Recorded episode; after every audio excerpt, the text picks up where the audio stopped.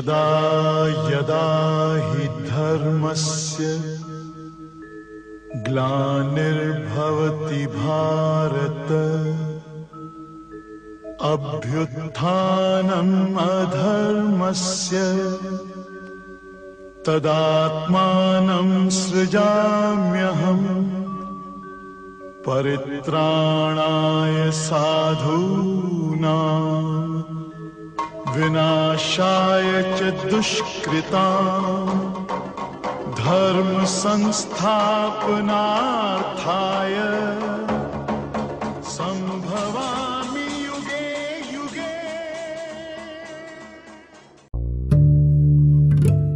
Om Swastiastu, sahabat Sedharma dimanapun Anda semua berada, seperti yang telah kita ketahui bersama, umat Hindu sangat beragam. Ada umat Hindu dari Bali, ada yang dari Jawa, dan tidak hanya ada di Indonesia saja, umat Hindu itu ada di seluruh dunia, bahkan sampai di Afrika dan bahkan di negara-negara Timur Tengah sendiri. Nah, salah satu keunikan dari budaya Hindu adalah tempat sucinya, dan seperti yang telah kita ketahui bersama, tempat suci Hindu secara umum disebut sebagai pura. Namun dalam berbagai kitab suci Weda, ada beberapa jenis tempat suci Hindu yang lain yang kita bisa bahas hari ini. Dan oleh sebab itu di studio telah hadir Sri Sriman Ida Waisnawa Pandita dan Modar Pandit Das yang akan menjadi narasumber kita kali ini. Om Swastiastu, Sri Guru Pandita. Om Swastiastu. Terima kasih telah berkenan hadir di studio. Baik Sri Guru Panita, pertanyaan pertama kita tentang pura atau tempat suci umat Hindu. Bisa Guru Panita jelaskan apakah hanya pura saja yang adalah tempat suci umat Hindu? Ya, baik. Hmm, masalah tempat suci yaitu khususnya untuk agama Hindu ya. Jadi Hindu itu kan kita bersama sudah ketahui bahwa Hindu itu sangat global. Jadi seperti apa yang pengalaman saya berkeliling bukan sekali saja sudah berkeliling ke tempat berapa tempat di Indonesia terus menerus berkeliling juga berkeliling ke dunia maksud saya ke belahan negara lain India juga Eropa gitu ya Iya. di India berkali-kali saya berkeliling hampir setiap tahun itu sudah satu dua kali lah minimal ya. Jadi kalau semua mereka itu Hindu, baik itu di pedalaman maupun di kota. Jadi Hindu itu tidak terbatas dengan nama pura saja. Ada di Indonesia saja ada banyak sekali nama seperti pura, ada balai persembahan, ya. Kemudian di, di luar kita di tempat lain, anggaplah di India begitu ada mandir, ada kuil, ada asram begitu namanya. Eh, ya sebagaimana juga dari Dirjen Bimas Hindu juga sudah menjelaskan tentang tentang tempat-tempat sembahyang Hindu. Masuk tadi yang saya jelaskan tadi itu. Hmm, dan di Indonesia ada itu semua. Justru di India tidak ada pura. Artinya orang tidak tahu banyak tentang pura. Kalau kita di, di Indonesia kan asram banyak, kuil banyak, mandir banyak gitu ya. Nah, karena itu saya juga ingin memperkenalkan nama pura ke ini kan ke India dengan membangun tempat di sana jadi kita pakai style seperti pura lah. Ada candinya ada padmusananya ada penghuni karangnya begitu kan? Iya. perkenalan itulah. Jadi eh, dalam Hindu itu tidak satu nama intinya. Jadi sesuai dengan anggaplah situasi kondisi di satu tempat. Misalnya Guru Pandita, kalau misalnya kita sebagai umat Hindu di Bali, nah, secara umum kan uh, umat Hindu di Indonesia itu kebanyakan berasal dari Bali begitu. Ya, Uh, apakah boleh uh, misalnya ada tempat-tempat suci Hindu yang berbeda, kemudian kita bersembahyang di tempat-tempat suci itu? Oh boleh, boleh sekali. Kenapa tidak boleh? Jadi ke mana pun kita asal memang Hindu di tempat sembahyang itu boleh. Seperti saya lah contohnya saya berkeliling ke mana-mana kan. Di mana tempat sembahyang Hindu dengan nama-nama berbeda, dengan persembahan juga pujaannya berbeda-beda begitu. Kita diizinkan, tidak ada masalah kita sebagai umat Hindu. Nah kalau di India emang sedikit ketat, ketatnya artinya hanya boleh orang Hindu yang masuk ke mandir. Kalau non Hindu tidak boleh. Hindunya bukan harus, jelas identitasnya. Iya. Gitu. Jika demikian ditolak, tidak boleh masuk. Nah kalau kita di sini kan mungkin tidak seketat di sana begitu.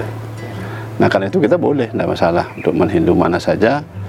Nah, di antara Hindu itu secara sastra saya katakan dulu boleh. Demikian juga secara aturan kita dari lembaga majelis tertinggi Parisade dan dari apa Dirjen Bimas Hindu juga tidak ada mempermasalahkan hal itu. Belum ada aturan yang melarang untuk hal itu di internet Hindu mana pun. Cuman yang pasti masing-masing tempat ada aturan yang berbeda-beda. Nah, kita ikuti aturan itu. Misalnya kalau masuk ke pura, apa aturannya ya kita ikuti aturan di sana. Kalau masuk mandir, bagaimana di sana, kita ikuti aturan di sana. Ya, begitu. Tapi kalau untuk melarangnya belum ada. Dan saya pikir tidak akan ada karena kita masih sama-sama satu Hindu. Begitu. Demikian. Eh, baik Guru Panita, ini menarik sekali. Eh, kalau tem- kalau misalnya tempat suci itu berbeda-beda demikian, tentu tentu juga eh, cara sembahyangnya berbeda-beda. Eh, bagaimana kita akan menyatukan semua ini sehingga umat-umat kita yang berbeda-beda ini, yang di istilahnya yang dibalut oleh berbagai jenis budaya ini bisa bersatu dan saling memahami Guru Pandita. Kalau menyatukan itu rasanya itu satu hal yang mustahil ya. Dalam artian menca- menyatukan cara, cara bersembahyang. Ya. Kita hanya bisa menyatu dalam satu tempat. Artinya kalau misalnya kalau ke pura gimana aturannya, ya harus diikut di sana. Kalau misalnya di mandir bagaimana aturannya, kita ikut di sana. Kalau kita bersama-sama. Tapi kalau kita sendiri saja, ya itu hal yang lain lagi. Tapi tentu juga hal yang aneh. Apalagi bersama, misalnya sendiri pun sedikit aneh lah. Misalnya nanti, contoh lah misalnya sederhana. Kalau kita ke ashram, misalnya atau ke mandir, orang sujud misalnya kan. Kalau ke pura kan tidak cukup dengan mencakupkan tangan kan seperti biasa. Nah kalau sekarang anggaplah kita ke pura itu sujud kan aneh dilihat. Demikian juga kalau ke mandir, ya kalau ke mandir sih ya tentu juga orang pada sujud dia berdiri kan aneh juga kan. Nah karena itu eh, tidak bisa disatukan begitu karena memang ajaran kita juga di Hindu itu juga untuk mencapai Tuhan itu diberikan jalan yang berbeda-beda sesuai dengan kemampuan dia. Misalnya ada Bhakti Marga gitu ya. Ada Janana Marga atau Gyana Marga gitu ya. Kemudian ada eh, Karma Marga dan sebagainya. Itu udah berbeda-beda kan. Cara juga berbeda-beda kan. Begitu.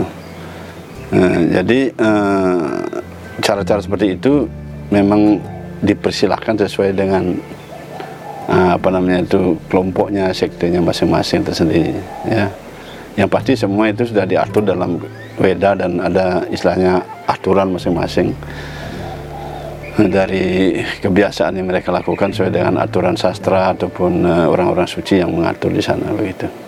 Ya, Guru Pandita, ini terkait juga dengan fungsi dari tempat suci itu sendiri. Secara umum kita kan tahu bahwa tempat suci itu tempat bersembahyang demikian. Entah eh, bagaimana caranya sesuai dengan apa yang kita yakini bersama-sama begitu.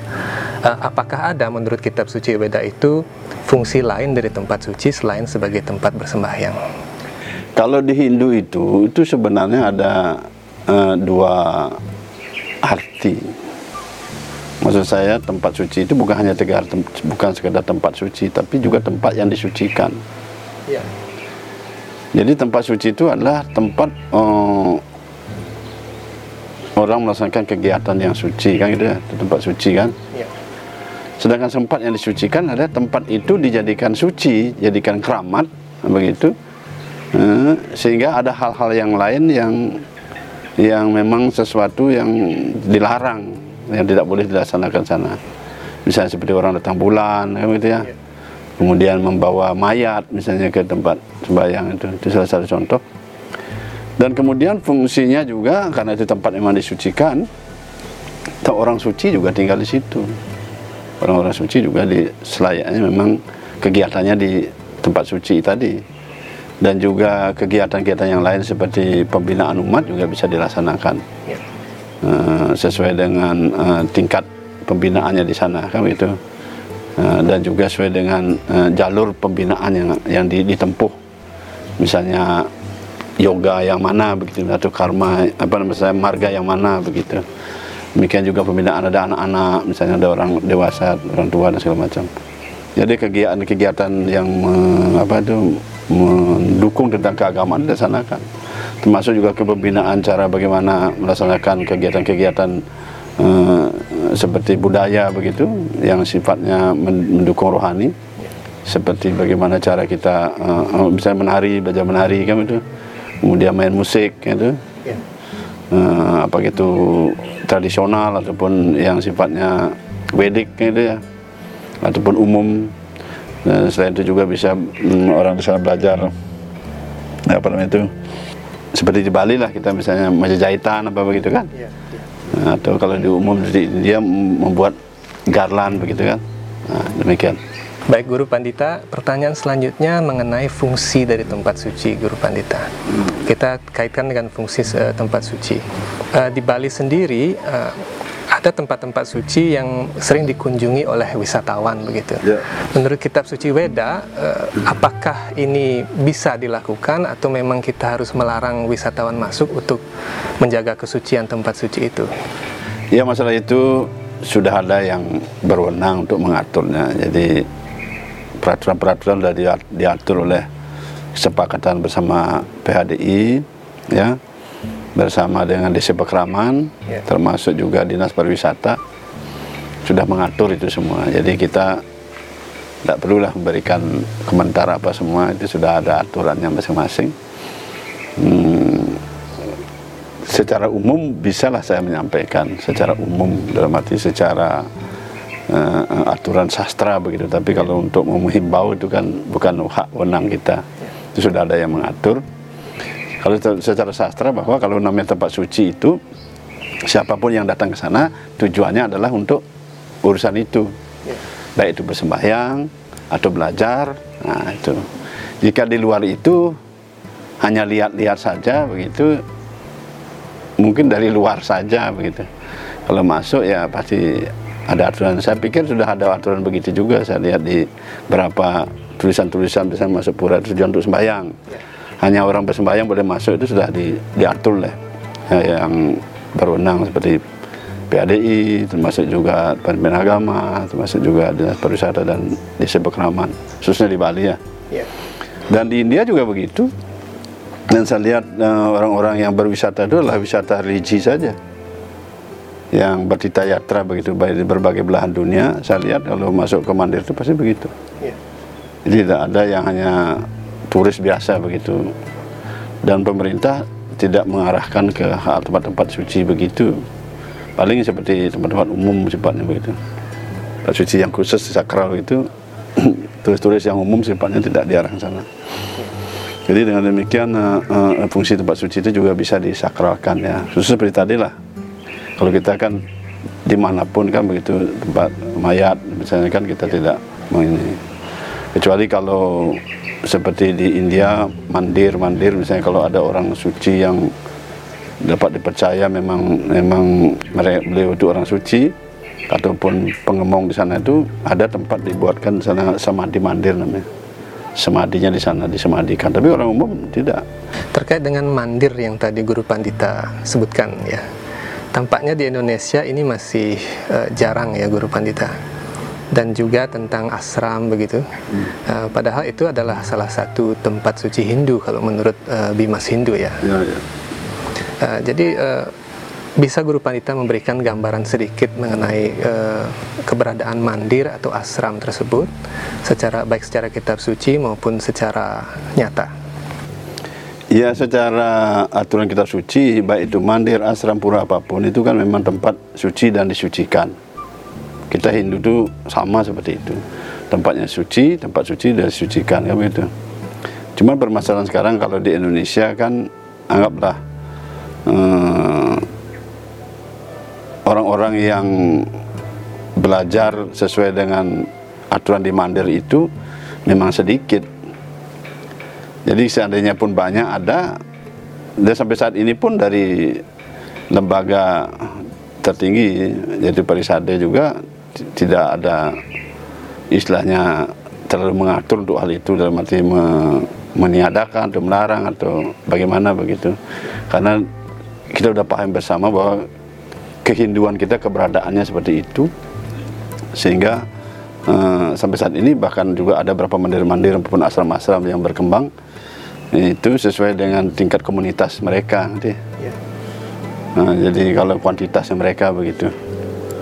Jadi kalau kita membuat saja begitu dan arahnya dalam artian kegiatan mereka berbeda nanti kan tidak ini. Sedangkan pura yang ada juga bisa difungsikan untuk kegiatan seperti apa yang dimaksud tadi itu eh, dalam komunitas itu begitu. Nah syukurlah sekarang eh, dengan adanya media yang demikian global ini kita Hindu merasakan juga eh, gimana begitu ada pendidikan-pendidikan yang bisa pela- pelajari dengan eh, dengan lebih mendalam begitu. Sehingga kita paham tentang ajaran agama Hindu dan perlu yang perlu kita eh, harapkan bersama bahwa kita menyadari keberadaan Hindu kita memang sanatan dharma akan seperti itu. Setiap orang akan menghargai keyakinan masing-masing dan berjalan sesuai dengan keyakinan itu ada garis perguruan masing-masing ada sekte masing-masing dan sebagainya. Dan itu sudah berlangsung ribuan tahun dengan damai dan rukun begitu. Demikian. Ya, bolehkah kalau misalnya kita tidak berada dalam suatu garis ter- tertentu begitu? Apakah boleh umat Hindu secara umum bersembahyang ke asram atau ke mandir Guru Pandita? ya seperti kata tadi boleh. Kenapa tidak boleh? Yang penting kita sudah sama-sama Hindu kita boleh sembahyang. Nah, bahkan secara aturan sebenarnya siapa pun boleh datang bersembahyang ke tempat sembahyang Hindu. Yang penting tujuannya memang sembahyang untuk mengikuti aturan di sana. Selama ini kita lihat lah seperti di Bali juga kan begitu luasnya kita di Bali ada banyak turis dari berbagai belahan dunia hanya datang dia pakai eh, kamen bidi sentang begitu masuk dan ya apalagi kalau dia duduk ikut membakti misalnya mentirti kan bagus tidak ada masalah kita sedangkan hanya foto-foto aja masih kita izinkan kan begitu Nah, namun kejeruan biasanya pasti ya untuk sembah sembahyang itu biasanya sampai di di di Jabul saja lah, Jabul Tengah misalnya kalau dari Jeruan kan. nah. Jadi secara umum Hindu tidak pernah melarang begitu. Dan eh, di India memang ada aturan ketat tentang masalah masuk ke mandir, ada beberapa mandir tertentu, tidak semua juga begitu. Tapi pemeriksaan tetap ketat, semua ketat pemeriksaan. Itu hanya masalah keamanan saja. Jadi masalah keamanan begitu, jadi sehingga eh, orang lain tidak Hindu ngapain masuk ke tempat sembahyang Hindu kan gitu. Begitu. Jadi ada penjagaan ketat dan bahkan ada yang memang melarang total begitu. Begitu. Tapi ada yang pemeriksaannya ketat dan tidak boleh bawa kamera dan segala macam begitu. Seperti di airport lah begitu. Lebih ketat bahkan begitu. Sebenarnya seperti yang Guru Pandita sampaikan tadi, ada namanya budaya Weda seperti itu. Eh, Bagaimana ini bisa bisa kita terapkan dalam Hindu kita yang berbeda-beda latar belakangnya. Ada yang dari Bali, ada yang dari Jawa, kemudian ada juga yang di Amerika dan sebagainya. Ya, jadi sepanjang kita merasa diri kita Hindu, mengaku kita Hindu, dasarnya harus Weda. Karena itu Weda itu menumbuhkan budaya nanti. Karena dari Weda itu memberikan inspirasi sesuai dengan pelaksanaan Weda memberikan inspirasi ke buat kecerdasan kita sehingga kita akan menumbuhkan budaya. Nah, karena itu sesungguhnya marilah kita berlomba-lomba untuk berbudaya Weda.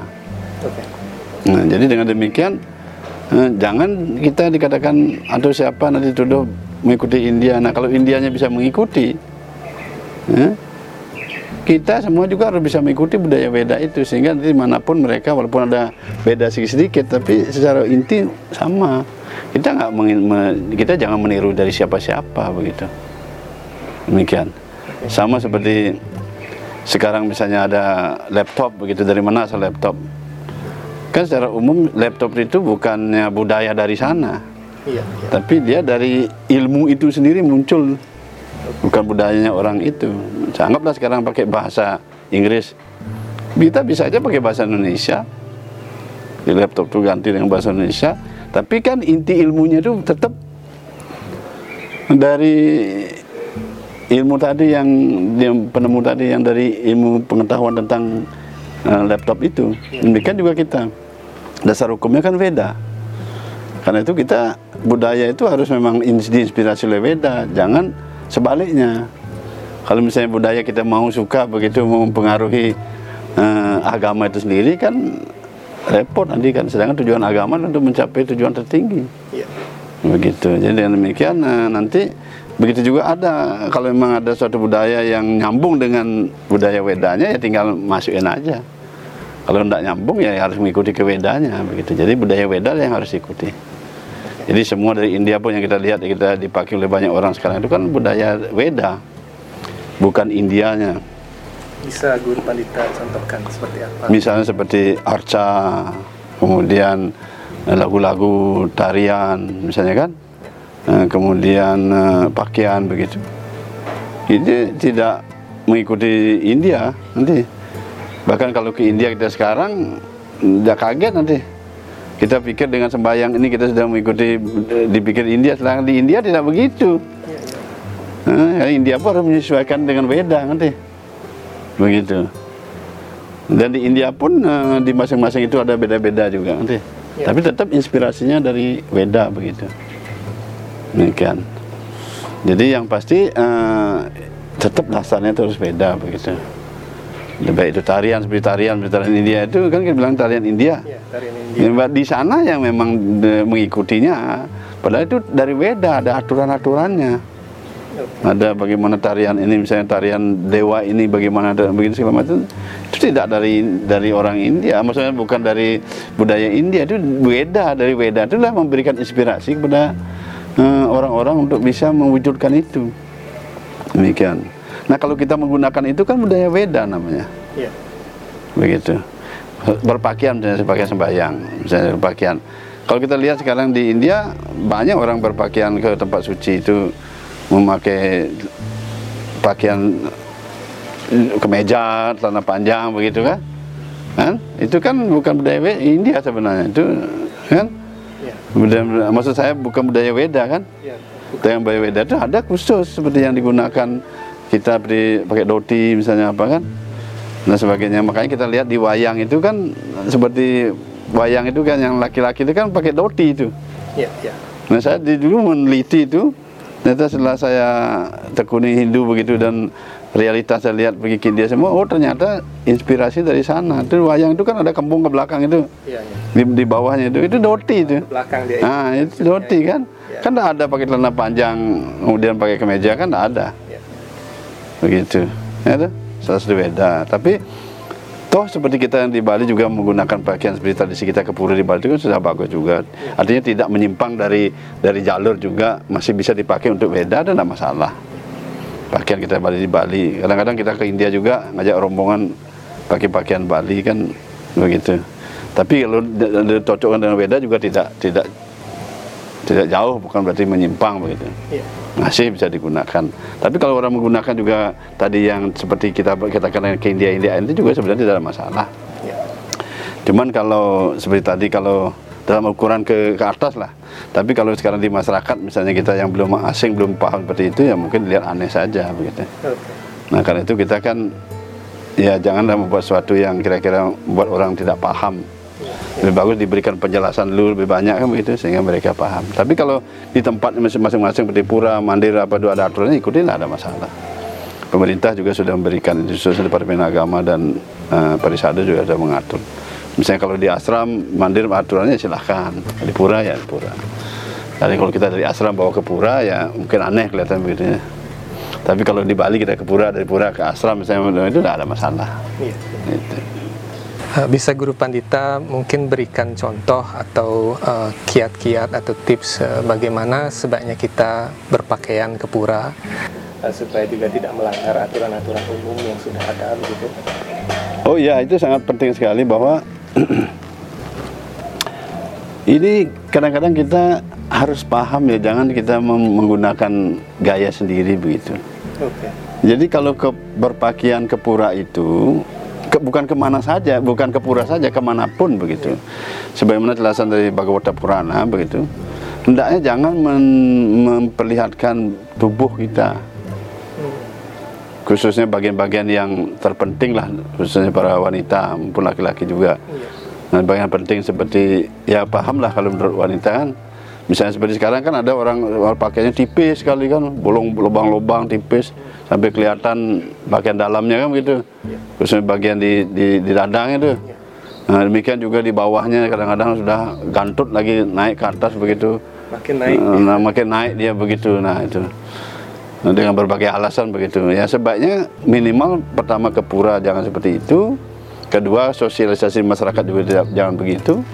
Sehingga dengan demikian umat Hindu ini benar-benar tercermin yang bagus. Itu bukan masalah tidak boleh, tetapi memang Tuhan sudah tidak membenarkan karena ada ceritanya bahwa eh, yaitu di dalam Bhagavad Puran itu masalah pernikahan Maharaja Pururawa dengan seorang bidadari dari surga yaitu Urwasi. Jadi perbincangan di sana menceritakan bahwa Urwasi memberikan penjelasan itu tentang penduduk surga yang penuh dengan sopan santun begitu. Jadi tidak boleh menunjukkan badan begitu nanti. Bahkan suami istri pun eh, kecuali ketika membuat anak. Jika tidak demikian eh, tidak dibenarkan itu. Apalagi kita di luar begitu nanti. Makanya saya menghimbau bagi umat Hindu ini khususnya begitu pakai pakaian tradisi dari Bali dari zaman dulu kan memang tidak melihatkan badan juga kan. Misalnya kamennya panjang begitu kan, kemudian pakai apa namanya kebaya yang sopan begitu dari zaman dulu kita lihat. Dan sekarang-sekarang aja ada perubahan-perubahan itu. Ya kita menghimbau lah, bukan berarti itu kan hak mereka masing-masing ya. Kita tidak tidak memaksanya, tapi sebaiknya kita menghimbau eh, alangkah baiknya sehingga kita terpuji mendapat berkat Tuhan, mendapat berkat para dewa, para leluhur kita, penduduk surgawi, para dewa juga puas. Jadi dengan demikian eh, kita dapat berkat lah semua umat Hindu begitu dengan cara seperti tadi itu. Demikian. Terima kasih banyak Guru Pandita. Saya yakin pemirsa juga memiliki banyak sekali pertanyaan tentang tempat suci umat Hindu. Dan saya berserta seluruh kerabat kerja hari ini mohon pamit dulu. Om Santi Santi Santi Om.